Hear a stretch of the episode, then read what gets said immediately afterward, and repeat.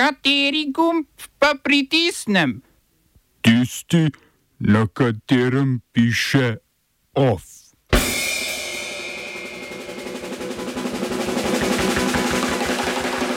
Zaradi korupcijske preiskave odstopil portugalski premijer Antonio Costa. V ameriškem Ohaju uspeh referenduma za ustavno zagotovitev pravice do splava. Naj živi Pinoče, desničari spisali predlog nove čilske ustave. Odstopili vsi nadzorniki družbe Sončni Kanin. V kulturnem obzorniku slovenski jezik, jezik kuharic in konskih hlapcev.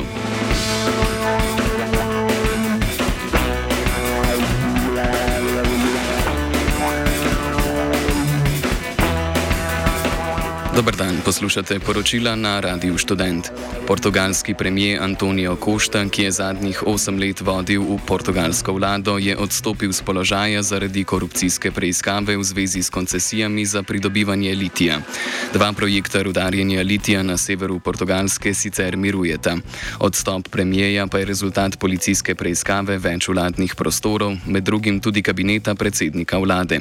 Costa v preiskavi ni neposredno osumljen, a tožilstvo kot osumljenca preizkuje infrastrukturnega ministra Joaa Galambo. Tožilstvo je dalo pridržati pet ljudi, tudi vodjo premijejevega kabineta Vitorija Eskarijo.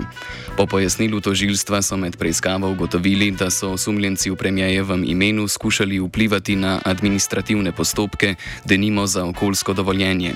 Okoljska agencija je dovoljenje za rudnik Litija Montalegre izdala septembra, rudnik Baroso pa še nima vseh papirjev. Košta iz socialistične stranke je odstop pojasnil z oceno, da naloge predsednika vlade niso združljive z dvomi o njegovi integriteti. Sporočil je tudi, da se za premijejski položaj ne misli potegovati.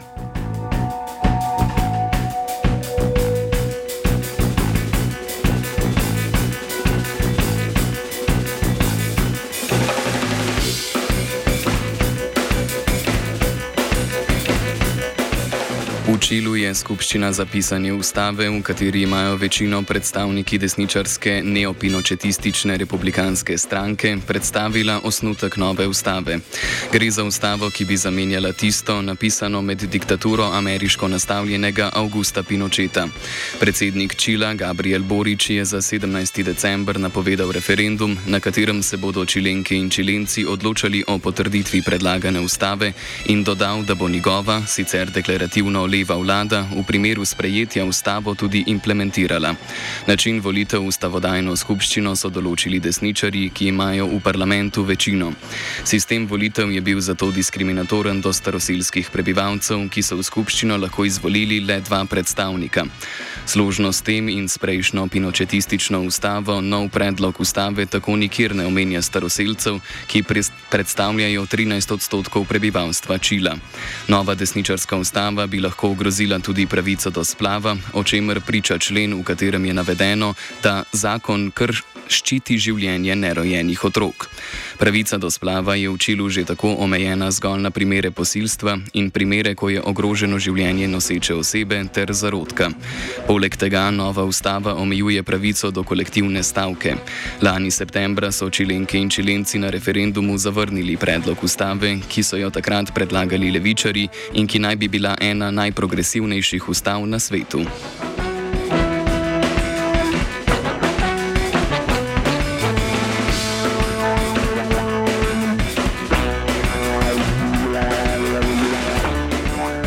Ameriški zvezdni državi Ohio so volivke in volivci na dveh referendumih s 56 odstotki glasov podprli spremembo državne ustave o pravici do splava. Zmaga zagovornikov pravice do splava je podaljšala niz neporaženosti po zvezdnih državah, odkar je vrhovno sodišče lani pravico do sprava ukinilo in odločanje o njej preneslo na raven zvezdnih držav. To je bil namreč že sedmi zaporedni uspešni referendum za zaščito pravice do splava. Tudi v Kentucky Kentuckyju in Virginiji so nasprotniki splava doživeli poraz, saj sta v obeh zvezdnih državah na guvernerskih volitvah zmagala demokratska kandidata, ki podpirata pravico do splava.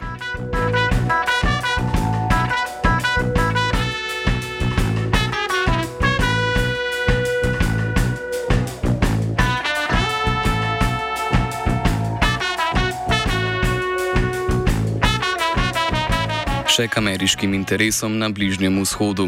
Ameriški zunani minister Anthony Blinken je predstavil ameriške pogoje za trajen mir v Gazi. Kot je dejal, zakaj takega ne sme priti do prisilnega izgona palestincev iz Gaze, Gaza ne sme biti platforma za terorizem, poleg tega pa ne sme priti do ponovne okupacije Gaze. Izraelski premijer Benjamin Netanjahu je predtem dejal, da bo Izrael po koncu invazije prevzel varnostni nadzor nad Gazo. Izrael sicer popoln nadzor nad Gazo že izvaja.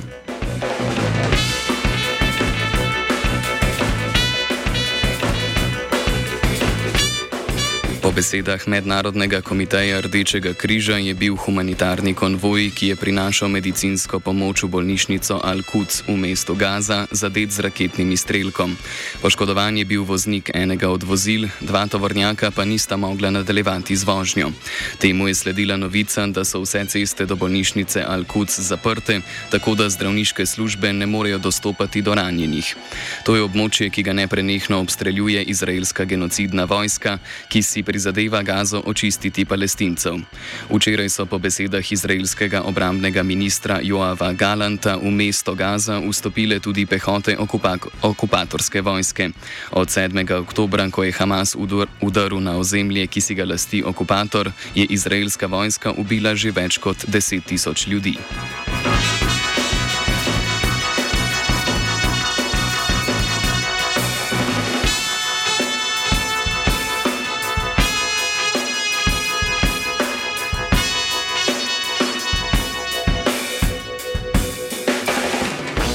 V Afganistanu je sunitska džihadistična skupina Islamska država v Horasanu prevzela odgovornost za teroristični napad, uperjen proti šiitski etnični skupini Hazarov.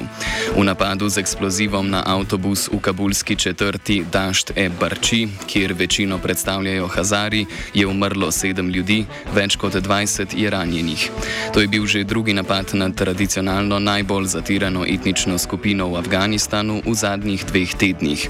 Islamska država v Horasanu 6 milijonov šiitov, živečih v Afganistanu, od katerih veliko večino predstavljajo Hazari, po svojem antitradicionalističnem razumevanju sunitskega pravoverstva dojema kot nevernike in ene od ključnih sovražnikov pri ustanovitvi islamskega kalifata. Poleg tega so džihadisti v konstantnem rivalstvu z vladajočimi talibani, ki ne sledijo njihovi salafistični doktrini in svoje delovanje omejujejo na ozemlje Afganistana. Afganistana ter pogojno Pakistana. Islamska država v Horasanu pa ne priznava državnih meja in si želi obuditev izgubljenega kalifata, nanašajoč se na Mohamedovo vladavino v Medini v prvih letih po nastanku islama. Vse odkar so talibani leta 2021 ponovno prevzeli oblast, islamska država v Horasanu predstavlja njihovega največjega nasprotnika znotraj države.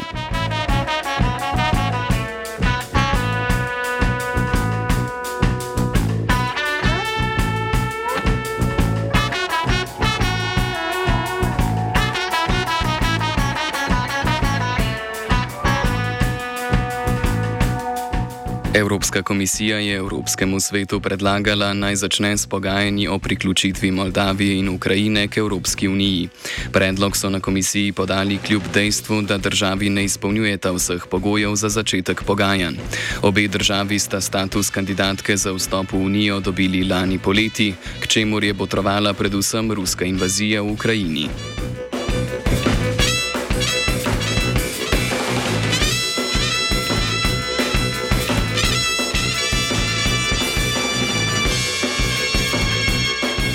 Nemčiji je Zvezdni urad za zaščito ustave deželno podružnico stranke Alternativa za Nemčijo, krajše AFD, v deželi Saška Anhalt uvrstil med dokazno dokazano ekstremistične skupine.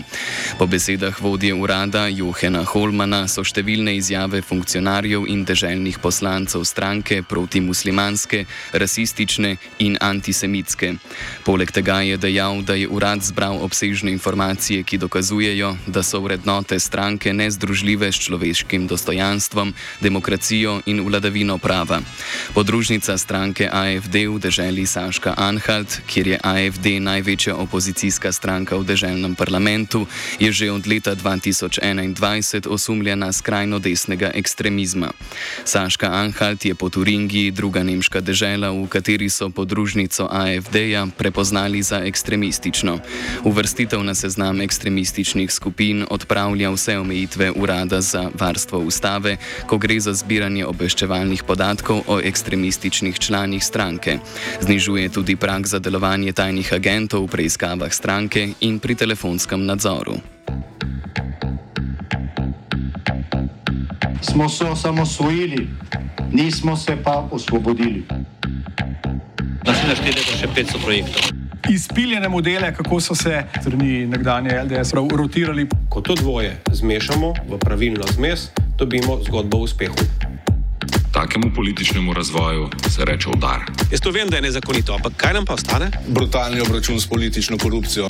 To je Slovenija, tukaj je naša zemlja, to je Slovenija, Slovenija, Slovenija. Parlamentarni odbor za finance je potrdil predlog zakona o statusnem preoblikovanju zavarovalnice vzajemna iz družbe za vzajemno zavarovanje v delniško družbo. Preoblikovanje bo po zakonu, ki ga more potrditi še parlament, izvedeno z novim letom. Sledi preoblikovanju dopolnilnega zdravstvenega zavarovanja, ki ga bo v skladu z julijsko novelo zakona o zdravstvenem varstvu in zdravstvenem zavarovanju nadomestil obvezni zdravstveni prispevek. Po predlogu zakona o statusnem začasnem preoblikovanju vzajemne bo morala zavarovalnica ustanovitelju, to je Zavod za zdravstveno zavarovanje, povrniti vložek s plačilom ali z delnicami. Zavarovanci vzajemne bodo dobili delnice ali največ 130 evrov izplačila. Predsednik uprave vzajemne Aleš Mikeln nasprotuje zakonskemu predlogu, saj po njegovem z njim država zavarovancem jemlje pravico odločanja o lastnih zadevah. Poleg tega po njegovem Zavod za zdravstveno zavarovanje do vračila ustanovnega zasebnega kapitala ni upravičen, saj se je ob ustanovitvi vzajemne odpovedal kakršnim koli terjatvam do nje. Na upravi vzajemne pričakujejo, da bo izvajanje zakona zadržalo ustavno sodišče.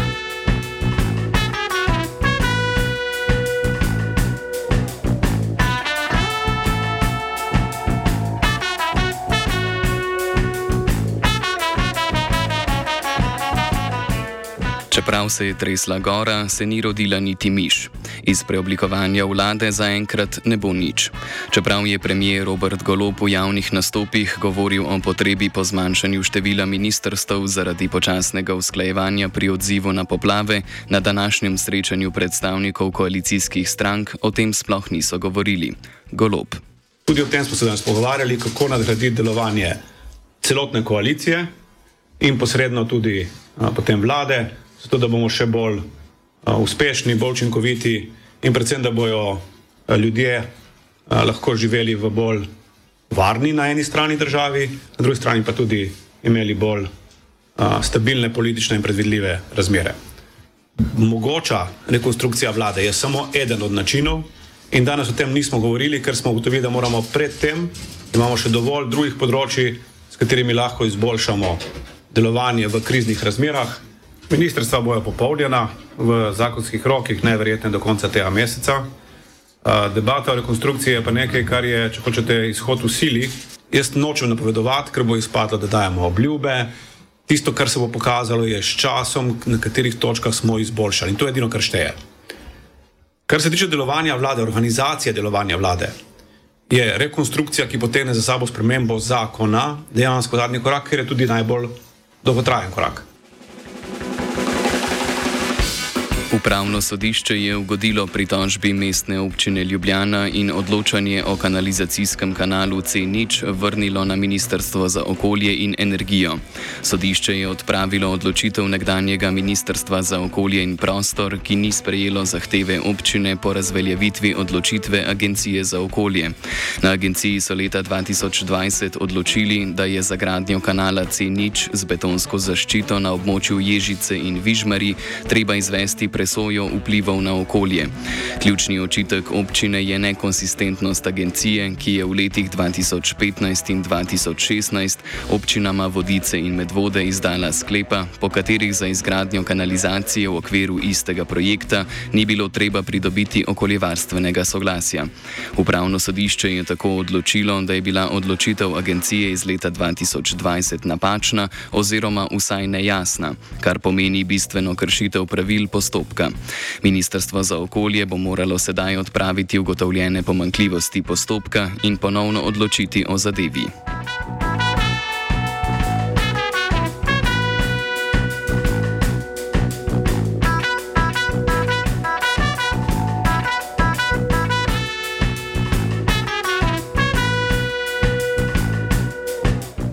Družba Sončni Kanin ostaja brez nadzornega sveta. Nepreklicno so odstopili nadzorniki Marko Gorjanc, Uroš Zupan in Boštjan Novosel. Kot razloge za odstop iz nadzornega sveta upravljavca smučišča Kanin so navedli kršitve, malomarnosti in neskrbno ravnanje direktorice Sončnega Kanina Manuele Božič Badalič. Gre za to, da družbi ni uspelo pridobiti uporabnega dovoljenja za krožno kabinsko žičnico. Nadzorni svet je zato hotel razrešiti direktorico, a občinski svet občine Bovac je na mesto razrešitve direktorice sprejel sklep, s katerim so občinski komisiji za imenovanja in mandatna vprašanja predlagali razrešitev predsednika nadzornega sveta, torej Gorjanca. Gorjancu so v občinskem svetu namreč očitali prekoračitev pooblastil.